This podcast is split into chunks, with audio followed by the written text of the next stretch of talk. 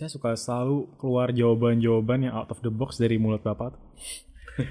Ya, nggak ada yang bisa men- ke- keindahan tuh untuk siapa aja tuh jawaban menurut saya bagus banget. Oke, Cuman yang barusan anda bilang itu exactly kenapa kita merasa anda benar-benar idealis dan kita eh, nggak sabar pengen ngetip anda untuk pick your brain kasar gitu. Jadi statement anda tadi barusan yang anda nggak sadar adalah ini bioliving ini kerjaan yang makan umur.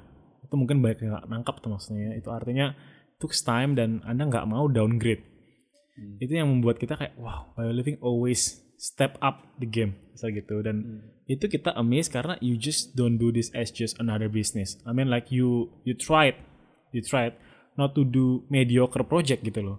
Itu yang selalu saya lihat dan nggak cuman di bidang anda doang. Cuman kalau bisa di share sedikit mungkin buat teman-teman yang nggak tahu bioliving mungkin dalam satu dua tahun terakhir bioliving is everywhere because you you started the movement of collaboration.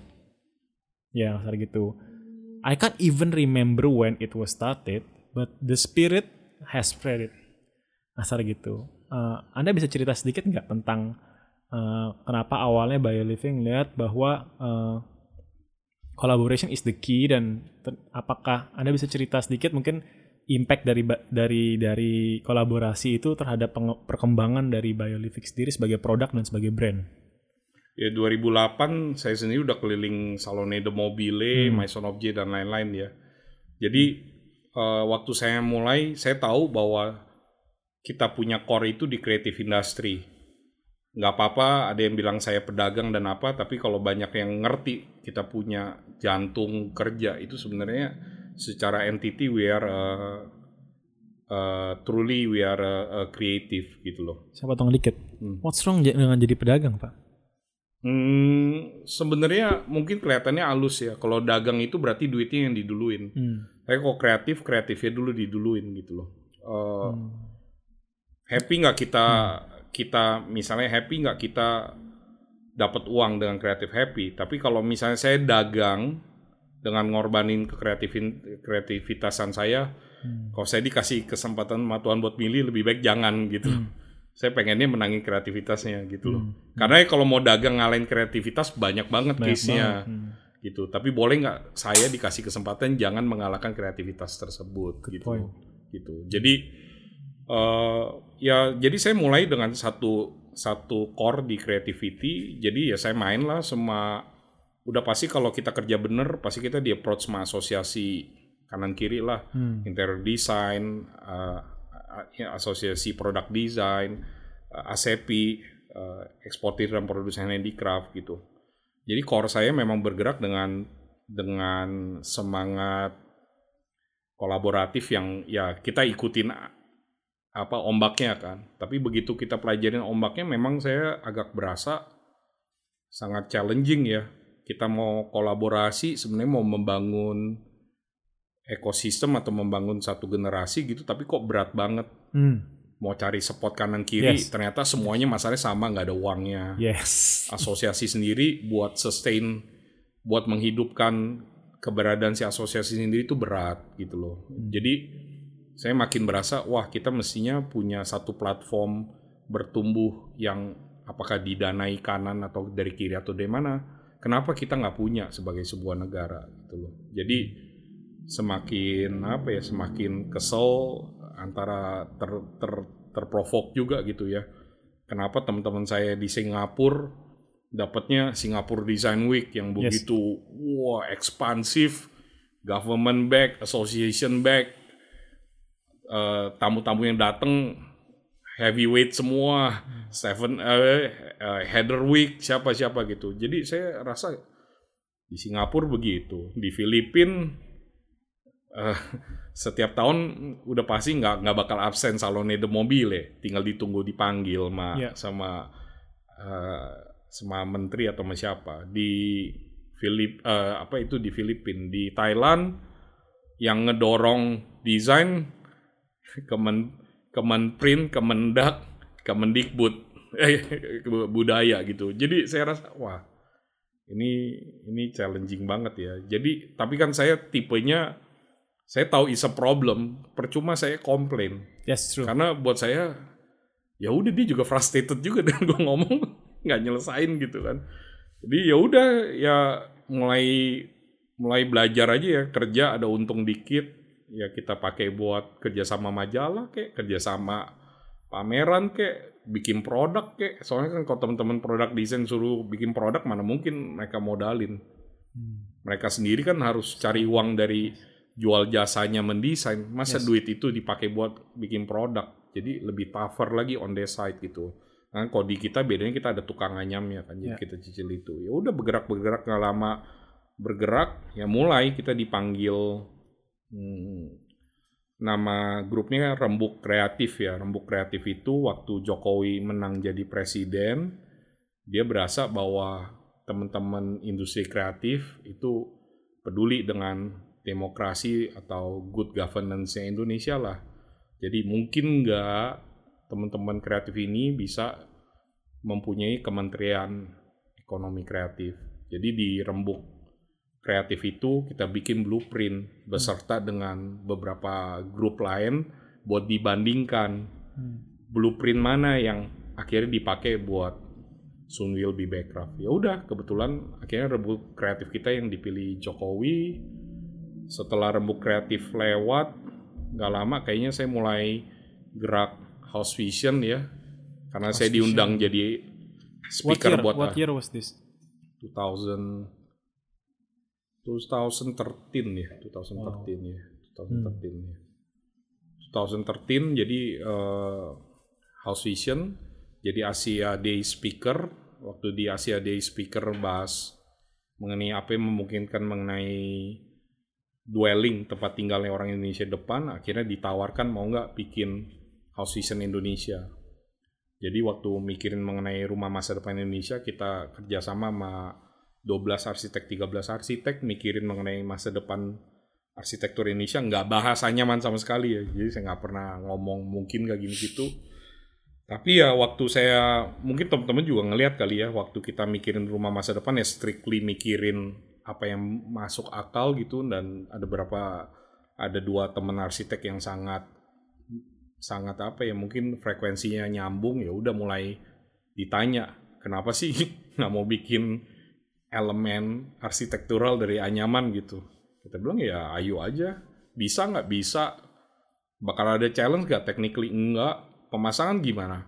Eh, tukang kita rajin kok mau mau ikut perang bareng gitu ya udah ada dua arsitek yang memang sebenarnya memang sejujurnya mereka penasaran cuman nggak ada mungkin nggak ada nggak ada yang mau niatin kerja bener lah gitu. Ya udah mereka lihat kita kayaknya handle house season nggak nggak setengah-setengah rapat sampai tengah malam.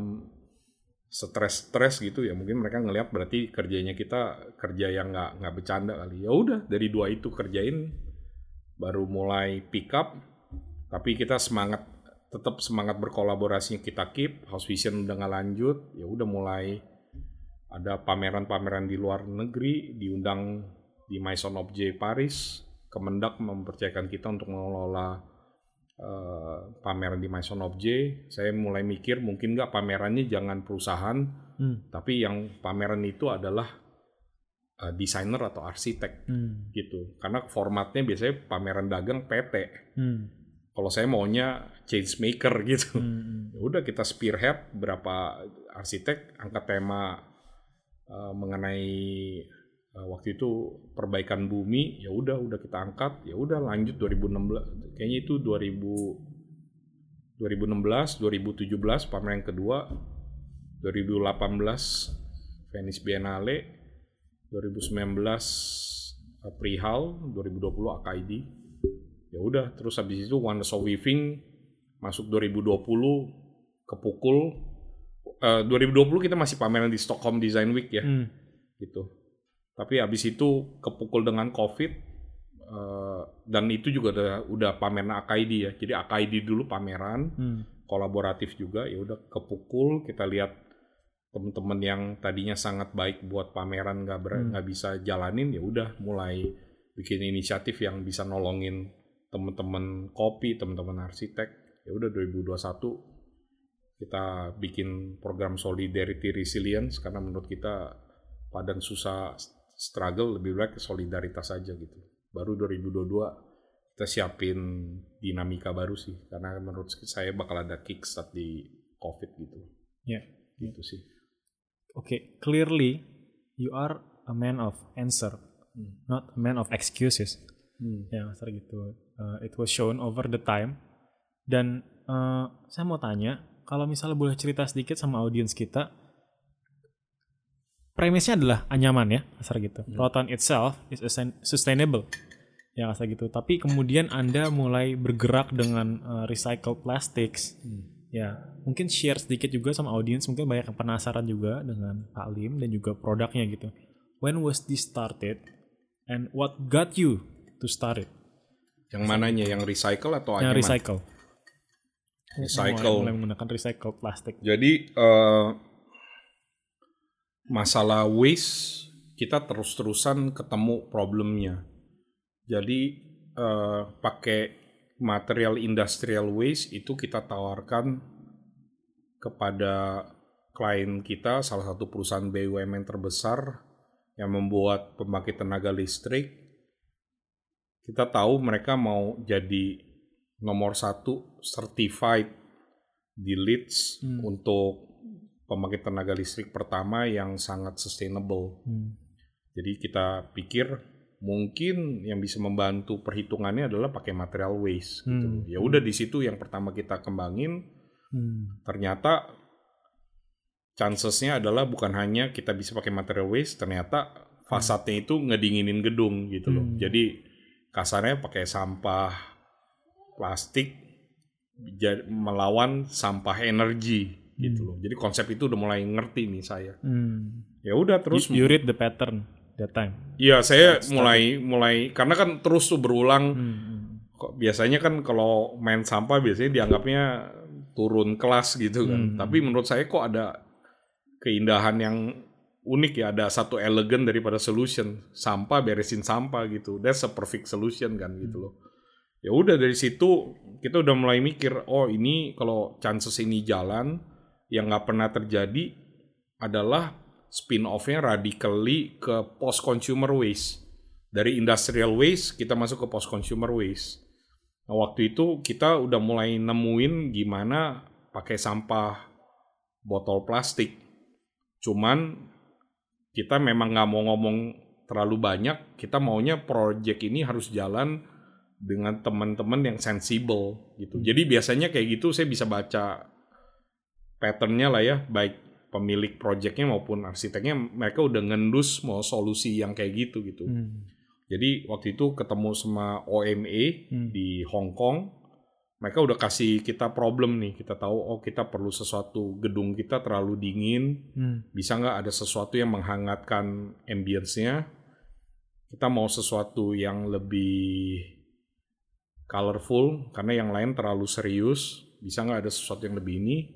Cuman saya tahu juga he's being uh, they are being a European so there there has to be an European element gitu kan. Kebetulan salah satu material yang kita lagi develop dari sampah botol Sprite, ijo-ijonya kayak ijo Land Rover gitu. Sudah mati saya ini kayaknya this could, could be it gitu loh. Foto sprite. Iya. Terus ya udah saya anyam. Mereka lihat mereka kaget. Lu serius nih, lu mau kerjain ini dan lu bisa ngerjain ini? Iya bisa gitu kan. Ya udah, masalahnya di lighting. Hmm. Panggil Takeo, Takeo lighting expert, orang Jepang lighting expert dari Singapura. Kita bikin permutasi anyaman yang secara lighting itu menarik. Udah, eh, coba-coba-coba udah ketemu, udah habis itu langsung as like any other project ya value engineering lah. Ya udah value engineering beres. Pertanyaan ya the mission impossible, will I be able to handle thousands of meter square of solution yang mana sampahnya juga harus bisa ada, Exactly. materiality ready, tukang ready, tukang pasang ready, mengkonek semua garis ribuan meter persegi, Yes, which is kita udah show di project seperti PGN atau Ya. Astra kita buktiin bahwa itu semua garis ke connect. Ya. Ya udah, habis itu udah ya proven lah eh, kita jalanin estafetnya ya bioliving kan estafetnya gitu ya. Buat yang Eh, nggak tahu susahnya itu ya. Kalau yang nggak pernah megang gitu ya, mungkin nggak ngebayangin gitu ya. Pikir Iya. itu kayak udah jadi aja gitu ya, soalnya nggak ada human process ya. Cuman eh, di era lautan informasi sosial media and fake branding gitu loh. ketika seperti anda bilang ini ini adalah brand yang makan umur gitu kita harus step up the game gitu how how can you ensure that uh, you are different dari orang-orang yang greenwashing untuk projectnya gitu yang Saya rasa ya gitu.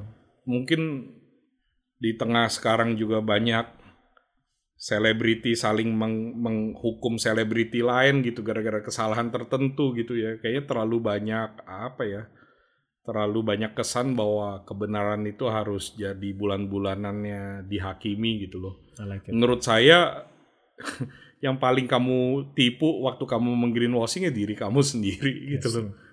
Maksudnya ya buat saya sih lucu aja ya kalau ada sampai seseorang yang baru ya maksudnya perlu nggak sih dikritik gitu baru kamu sadar bahwa kamu greenwashing padahal at the first place juga mungkin Hmm. you know it gitu loh. Cuman dikritik baru bener ya berarti kamu mau mekanisme koreksi kamu adalah harus pakai peer pressure untuk korektif ke diri kamu gitu loh.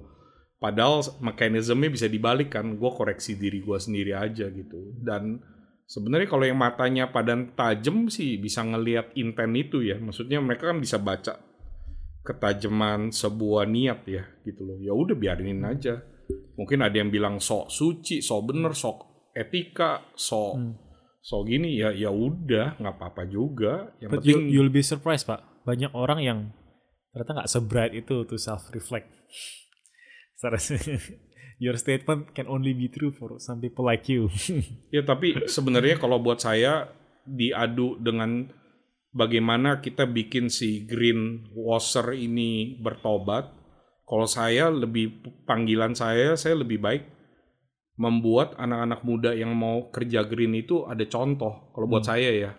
Jadi saya nggak ikut deh medan siapa mau kritik siapa gitu atau pembenarannya sebuah greenwash itu benar atau enggak itu medan di mana saya biarkan itu mau siapa kayak World Peace kayak atau desainer yang paling green yang menjawab. Buat saya saya pedulinya itu. Anak-anak muda yang susah cari duit mereka punya passion di situ role modelnya kenapa Hengki Pengki gitu loh. Buat saya cuma perlu ada berapa orang yang kerja bener mereka bisa nyontek best practice kita atau atau role modelnya dia gitu udah dan it could be not about us ya mungkin itu mungkin teman-teman arsitek saya yang pakai bioliving gitu udah jadi lu nyontek mereka juga selama bangunannya benar dan menunjukkan what is purposeful, what is impactful, what is meaningful, udah that's it. Itu anak-anak udah mulai ngeliat, nggak apa-apa, gue ambil shortcut begini aja gitu loh.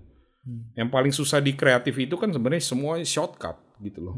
Kita Yes. eh, harus ngidupin pahit-pahitnya sendiri, padahal setelah 10 kali kerja baru tahu shortcutnya begini. Nah buat saya yang penting itulah si anak-anak muda yang mungkin 20-30 tahun lebih muda, boleh nggak mereka jangan ambil langkah saya supaya menyelamatkan bumi gitu misalnya gitu. Iya, gitu. iya. Not as kita udah menyelamatkan bumi ya, Iya, tapi iya. at least kalau mereka mencoba dengan desperately buat buang umur itu, boleh nggak itu? itu itu judul kita pak. Buang umur is a very good caption yang orang nggak realize. Buang umur very good.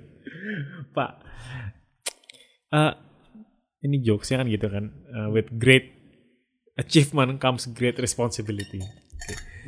Ka- karena anda dapat entitlement Good Design Award 2021 gitu loh. Orang yang tadinya nggak aware ya akan jadiin Anda salah satu dari kiblatnya gitu. Terutama katanya Indonesia yang banyak bisnisnya UMKM. Sering gitu. Cuman UMKM tuh abu-abu banget. Ya kan? Usaha kecil menengah gitu loh. Padahal eh, itu jadi kayak seakan-akan tuh di di Indonesia ada bisnis besar, ada bisnis kreatif, ada yang kayak levelnya UMKM gitu loh. Padahal it doesn't have to be uh, dikotomi kayak gitu loh kalau kita ngeliatnya gitu. Sedangkan kalau misalnya orang ngeliat bio, bio living gitu ya, uh, ada artikel judulnya How Lima Sulin Makes Waving Miracle. Buset. Ya, itu emang benar gitu in a sense. Cuman you you make it you make your product into into something else. It's a brand. Kasar gitu loh. Ya, Sampai ada judul seperti itu, itu itu menggugah banget gitu loh kasarnya. Nah, sedangkan kalau orang nggak ngerti waving apa sih? Ah, nyaman gitu kasarnya kan. But you make it so much more than that. You put narration, you put story, and then you give impact gitu loh. Jadi sebenarnya bio living itu mendemonstrasikan kepada banyak juga mungkin audiens kita yang starting their career, starting their product gitu loh. The importance of brand. Kasar gitu. apakah anda do it dengan penuh kesadaran atau it's just part of who you are and part of your your charm gitu loh istilahnya the branding comes by itself atau you realize the importance of the brand dan you try to keep it even even di tengah badai anda trying to make it alive gitu loh sampai akhirnya itu dapat panggungnya untuk bisa berkobar gitu Ya saya rasa itu semua cerita hidupnya kamu, cerita hidupnya saya, saya itu semua memang berjalan dengan tanda kutip garis hidup ya. Jadi ayah saya tuh uh, mati-matian cari uang sebagai perwakilan pabrik spare part Jepang. Yang mana kalau kamu tahu komisinya dia jualan spare part tuh kecil banget. Tapi yang saya kagumin mengenai dia itu adalah daripada dia pusing ngikutin ayahnya kakek saya gitu buat kerja yang taruhannya besar gitu dan yang lain-lain lihai-lihain dagang. Dia milih sesuatu yang kecil kerjanya cuman taat gitu. Jadi gamenya dia tuh setia akan hal-hal yang kecil gitu loh. Nah waktu saya pulang dari Amerika saya ngomong sama ayah saya lu tahu nggak nih? Lu nih kerja itu tuh jauh lebih keras lebih rajin dari yang punya brand saya bilang padahal ini bukan brand lu hmm. jadi kita ada perdebatan gitulah. Nah dari situ buat saya ada greget lah bapak gua gitu yang bisa spend umurnya sama gua gitu kan, yang bisa mungkin uh, do other things gitu yang buat dia punya glory atau apa gitu loh. Uh, kenapa enggak? Jadi ya udah, udah ada kayak kepikiran brand itu kalau if I'm gonna waste my energy, my life, if I have to bet on the table, could it be under a brand yang kita kita milikin gitu. Ya udah itu mulainya dari situ aja sih. Selebihnya cuman permutasi ya mengenai saya tipe orang yang nggak mau. Saya tahu kalau saya nggak branded right, orang akan melihat saya salah gitu loh. Hmm. Which is menurut saya itu juga satu resiko atau kesalahan yang jangan kalau bisa kita jangan blunder lah Hmm. gitu loh. Kamu bilang saya orangnya gini gini gini gitu, padahal mungkin it's not entirely correct gitu loh. Hmm. Nah, saya harus agak kritis begitu untuk anak-anak kita, untuk tim kita kalau salah memproyeksi brandnya kurang gitu bener, saya saya agak please correct it gitu loh, karena sayang gitu loh. Hmm, hmm, hmm. Mungkin orang bisa lihat entitas brand yang lebih lebih lebih jujur, lebih di tengah gitu, kok lihatnya jadi agak miring ke kanan atau miring ke kiri gitu. loh. Hmm.